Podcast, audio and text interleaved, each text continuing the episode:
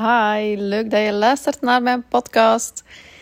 Ik heb in de vorige podcast jou een vraag gesteld, een ontzettend, ontzettend belangrijke vraag, podcast nummer 45. Dus als je die vraag nog niet hebt gehoord, ga dan zeker eventjes terugluisteren. Um, maar ik had ook nog een subvraag gesteld. En die subvraag heb ik voor mezelf wel beantwoord, maar nog niet duidelijk in de podcast gezet. En ik dacht, laat ik in deze podcast die subvraag beantwoorden. En die subvraag is: wat weerhoudt mij ervan om te doen wat mijn tien keer moedigere zelf zou doen?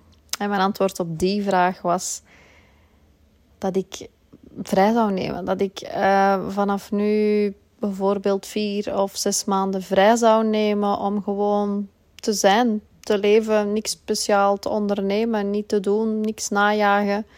Gewoon doen waar ik, waar ik zin in heb in die vier tot zes maanden. En de reden dat mij dit weerhoudt om dit effectief te doen, is enerzijds geld.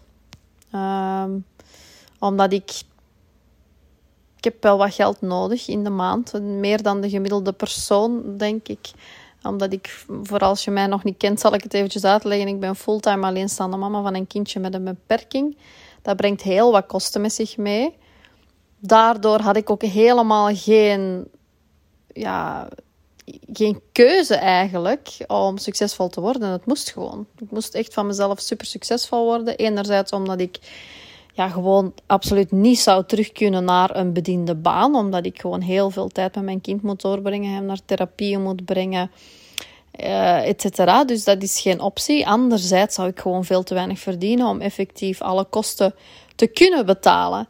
Dus als ik nu zeg van oké, ik ga er vier of zes maanden tussenuit, moet ik heel goed kijken eerst naar kan ik dat wel financieel overbruggen. Nu denk ik in C dat het een excuus is, want ik denk dat ik het wel zou kunnen. Um, maar ik heb zoiets van: ik wil de omzet die ik vorig jaar gedraaid heb, die 250.000 euro omzet, wel terug op zijn minst evenaren dit jaar. En dan zou ik dat moeten doen op zes maanden tijd in plaats van op twaalf maanden tijd. Dus wat voor druk gaat mij dat dan opleveren? En ik wil dat evenaren voor mezelf, omdat ik heb gemerkt van oké, dan kom ik goed uit de kosten, dan kan ik echt een leven leiden dat ik wil leiden. En eigenlijk, als ik het verdubbel in omzet, als ik streef naar die 500k, ja, dan, dan gaat het mij het helemaal lukken om een leven te leiden dat ik wil. Alleen moet ik natuurlijk zien dat het businessmodel dat ik gebruik of dat ik hiervoor inzet ook helemaal aanleunt bij het leven dat ik ondertussen aan het leiden ben. Dus dat ik niet mezelf over de kop moet werken, bij wijze van spreken, om die een omzet te gaan verdubbelen. Maar dat zou ik nooit doen, daar sta ik ook echt voor. Ik werk ook heel weinig, eigenlijk sowieso al gedurende de week. Dus dat is dan het volgende dat mij, mij weerhoudt. En ik ga nog minder gaan werken dan ik eigenlijk nu al doe.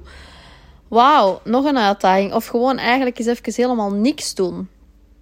Nog iets wat me meer houdt is dat ik eigenlijk niet echt een persoon ben om niks te doen. Ik heb altijd echt wel een uitdaging nodig. Ik heb um, dingen nodig die mij triggeren in het leven. Ik vind het leven al gauw heel saai.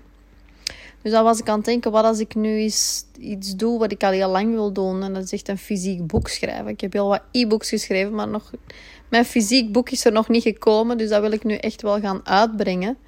Wat als ik dat dan doe in die vier maanden? Dus dat lijkt mij al een beetje aantrekkelijker. En anderzijds ook, ik kan eigenlijk heel eerlijk, als ik heel eerlijk naar mezelf kijk, en ik zou geen verantwoordelijkheden hebben, ik zou met niemand rekening moeten gaan houden, dan zou ik echt gewoon vier maanden naar het buitenland trekken. Maar dat is nu voor mij als fulltime, fulltime alleenstaande mama van een zoontje met een beperking gewoon echt geen optie. Zelfs al neem ik vier maanden vrij, dan staan er mij elke week, elke dag eigenlijk nog zoveel taken te wachten, waar ik gewoon echt niet onderuit kan. Dus heb ik zoiets van: stel ik het niet beter uit, zodat mijn zoon bijvoorbeeld vakantie heeft, zodat ik uh, zelf ook echt um, ja, het gevoel heb van oké, ik moet hier eventjes niks. Mijn zoon moet even niet naar de therapie. We gaan even gewoon een maand ertussenuit. En dat lijkt me dan al een beetje aantrekkelijk. Anderzijds heb ik dan natuurlijk ook mijn zoon. En is dat natuurlijk hetgeen ja, wat ook wel belastend is. Dus met die vragen struggle ik een beetje, maar ik ben er wel mee bezig. Ik ben wel aan het nadenken van hoe kan ik het toch voor mezelf realiseren? Wat, wat heb ik daarvoor nodig? Het is ook geen vraag dat je meteen kunt beantwoorden en meteen alles kunt tackelen wat er op je weg komt natuurlijk. Maar wat ik dan nu bijvoorbeeld doe om toch te kunnen verwezenlijken wat ik voel dat ik eigenlijk nodig heb, is gewoon echt al in de grote vakantie een maand vrij nemen. Dus dan juli werk ik sowieso niet. En dan ga ik er ook echt tussenuit. Of gewoon alle vakanties. En die, die komen er nu aan. Hè. We hebben weer krokusvakantie, we hebben weer paasvakantie.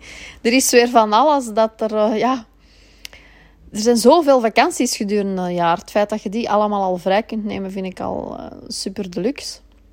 Dus ik ga eventjes kijken wat dat mij brengt. En uh, dan zie ik wel weer verder. Maar ik vond dat ik toch wel een antwoord moest geven ook om die vraag, op die subvraag. Omdat ik uh, daar berichtjes over kreeg op Instagram. Uh, maar trouwens, ik ben ook heel benieuwd naar wat jouw antwoord is op de vraag die ik gesteld heb in de vorige podcast. Wat zou jouw tien keer moedigere zelf doen? En wat weerhoudt je ervan om dat nu al te doen?